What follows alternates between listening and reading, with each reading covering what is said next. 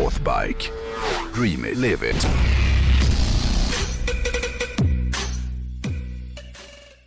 I söndags hände en väldigt rolig sak eh, som man ju såklart bara måste snacka om den här veckan. Eh, om man har en podd som heter Dillen med hojen. Vet du vad det är? Mm, nej. Nej, och det är därför som det är jag som pratar om hojar i den här podden. Och du som snackar om raggarbilar. Nej då, men i söndags så korades ju 2021 års MotoGP-vinnare. Eh, och som jag, jag nämnt tidigare så håller jag på fransosen Fabio Quattararo. Och det var därför så, som jag satt hemma och skrek av glädje när, när Francesco Bagnaia eh, med bara fem varv kvar kör av då och det blir klart att eh, Quattararo är den som blir världsmästare i år för första gången. Och eh, av den anledningen så tänkte jag faktiskt använda veckans avsnitt till att faktiskt snacka lite om Fabio Quattararo och även en del om motorcykelsportens motsvarighet till Formel 1, det vill säga MotoGP. För det har vi inte riktigt pratat om i, i dealen med hojen. Nej, du, du säger det. Ja. Jag började gilla Quattararo när jag förra året följde en dokumentärserie på Youtube som hette Building Success. eh, Som gick på, på MotoGPs egna Youtube-kanal. Och i den då, då får man följa vardagen i ett MotoGP-team. Lite som Netflix, den här eh, Drive to Survive. Ja, ja, ja. Fast det handlade bara om ett team då i, i den här serien. Eh, och det var ju det här satellitteamet Petronas SRT som Fabio var rookie i det året. Det var det som man fick följa då.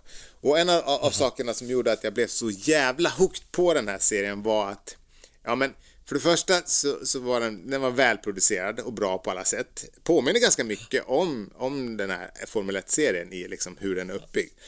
Men när jag insåg att det var också en svensk som heter Johan Stigefelt som var teamchef för Petronas. Eh, då blev jag eh, lite extra nyfiken. Och det tog typ bara 10 minuter efter att jag hade börjat kolla på första avsnittet som jag kände så här, äh, det här är, det här är så jävla bra, jag är helt fast. Och den här serien, den, den eh, ligger på som jag sa på, på MotoGPs YouTube-kanal. Så jag vill uppmana, uppmana alla som, som inte har sett den att gå in och kolla. För den är, det är väldigt intressant att, att komma in och se bakom kulisserna i ett MotoGP-team. Då. Fränt.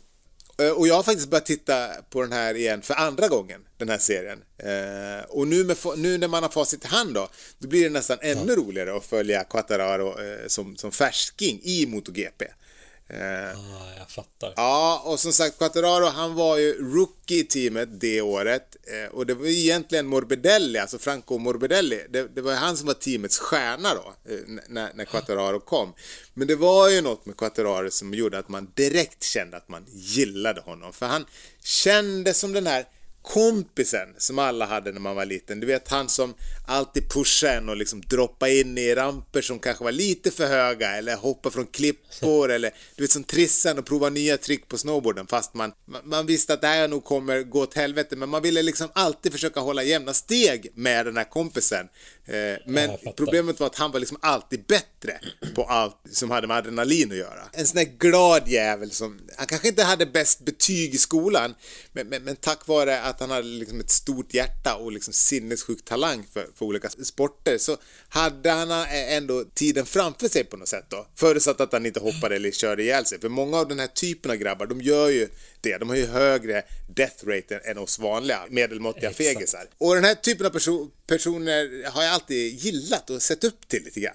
Hur som helst då, så under 2020 års säsong så står det ganska snabbt klart att Morbidelli, han skulle få det jävligt svettigt med sin nya teamkamrat där i Petronas då. För redan i lopp två i Spanien, då får man komma ihåg som sagt att Quattraro är, är liksom rookie i den här tyngsta klassen. Att bara gå från, från, från motor 2 upp till GP är ett jättesteg. Men, men eh, redan i, i sitt andra lopp, då, då tog han pole position.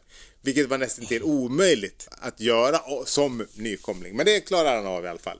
Och, och Får man liksom i Moto, i MotoGP får man på samma sätt som i Formel 1 så här stallorder att så här, håll igen nu för nu stjärnan ska gå i mål före. Nej, det är nog, jag skulle säga det är mera vilda västern i, i eh, MotoGP. Mycket mer, ska jag säga. Det är inte jättevanligt med stallorders. eh, Det kan man hata med Formel 1. Nej, det är jättetråkigt.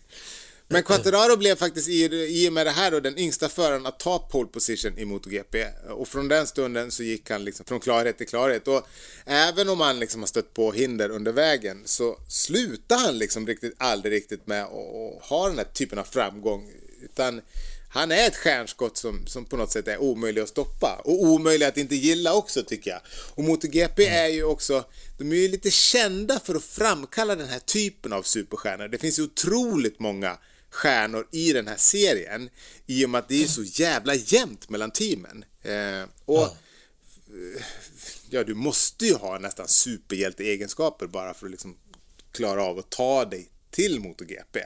Så att det, det, det, är tight på ett helt annat sätt än vad det är i, i, i F1. Och redan året därpå så plockade ju faktiskt också, inte helt oväntat, Yamaha upp Quattoraro från Petronas till Yamahas fabriksteam då. Eh, och det är där han kör i år, när han, när han blev världsmästare. Och jag har inte sett alla lopp i år. Jag tror att jag faktiskt har, jag missat fyra stycken. Eh, men det är första året som jag faktiskt följer MotoGP-sången på allvar. Jag löste något sånt här videopass Eh, så jag kan se de här tävlingarna hemma.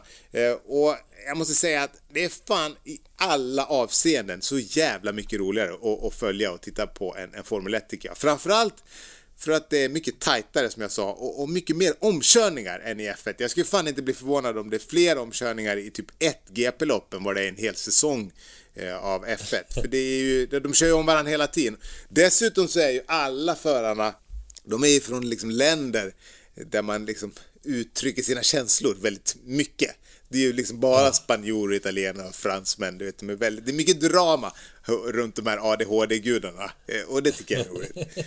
Och Fabio, han är, han är ju som sagt då från Frankrike, närmare bestämt från, från Nice. Och han är faktiskt son till en gubbe som heter Etienne Quattararo. Och även han är en gammal racing, hoj-racingförare. Jag tror att han har blivit fransk mästare i 125-klassen någon gång på 70-talet. Eh, men för er då som har sett Drive to Survive, eh, eller följer F1, eh, så, så vet ni ju också vem den här Daniel Ricardo är. Han, är ju, han har ju samma typ av sprudlande och lite barnsliga, skärmiga personlighet som Fabio har då. Och de här två är också bästa kompisar faktiskt. Eller väldigt bra polare åtminstone. Och båda är också ganska fåfänga på ett sätt som jag tycker att en riktig racingstjärna gärna får vara, känner jag. De har lite av den här samma swag som James Hunt hade på sin tid. Och han är omöjlig ja, att inte tycka om på något sätt. Är det, är det några som ska ha den typen av swag så är det ju den här, de här värsting MotoGP-stjärnorna, eller ja, men, Formel 1-stjärnorna. Ja, men jag tycker det. Jag tycker det. Och, och Fabio, han har faktiskt modellat lite för Dolce Gabbana. Och det beror inte på att han är speciellt fotogenik utan han har ju den här personligheten som utstrålar liksom star quality. Och en modern uh. manlighet som jag på något sätt förstår att man som klädmärke vill associeras med. Uh. Hur som helst så, så blev jag oväntat glad när han vann i söndags. Eh, jag brukar vanligtvis inte bry mig så jävla mycket om eh, framgångar som rör folk som jag inte känner. Jag har till exempel aldrig förstått hur man kan bli så otroligt emotionellt investerad i till exempel fotboll som, som många blir. Men eh, jag vet inte, jag kanske får omvärdera det här lite grann, för jag blev väldigt uppspelt över, över hans vinst. Jag har en liten man-crush känner jag på Fabio. Hade jag varit tjej så hade jag... Eller hade jag varit tjej då hade jag i och för sig varit en 50-årig fet gråhårig kärring med hängbröst så då hade jag väl ännu inte haft någon chans. Men du fattar vad jag menar. Jag, jag gillar Fabio väldigt mycket. Men MotoGP, det är ju en jävla speciell cirkus. Redan 1949 så grundades eh, Federation Internationale de Motocyclisme tror jag det hette. Det var bra franskt uttal? Ja, det var som Kalles tyska. Nej, men det får väl eh, ändå anses vara starten på det som idag är MotoGP då. Och på den tiden då tävlar man i 125, 250, 350 och 500 kubiks eh, klasserna då, eh, där 500 var den tyngsta hojen. Och den allra första tävlingen den hölls på Isle of Man-banan. Och mellan 1950 och 75 då var det ju total italiensk dominans i 500-klassen. Jag tror att det var italienskt överst på pallen 24 av 26 år faktiskt. Eh, men i de lättare klasserna, där hade både Honda och Suzuki och Norton och NSU eh, en del framgångar. Och det var faktiskt då efter 1975, först då som japanerna kom igång på allvar, även i den tyngsta klassen. Och det året vann faktiskt Yamaha då.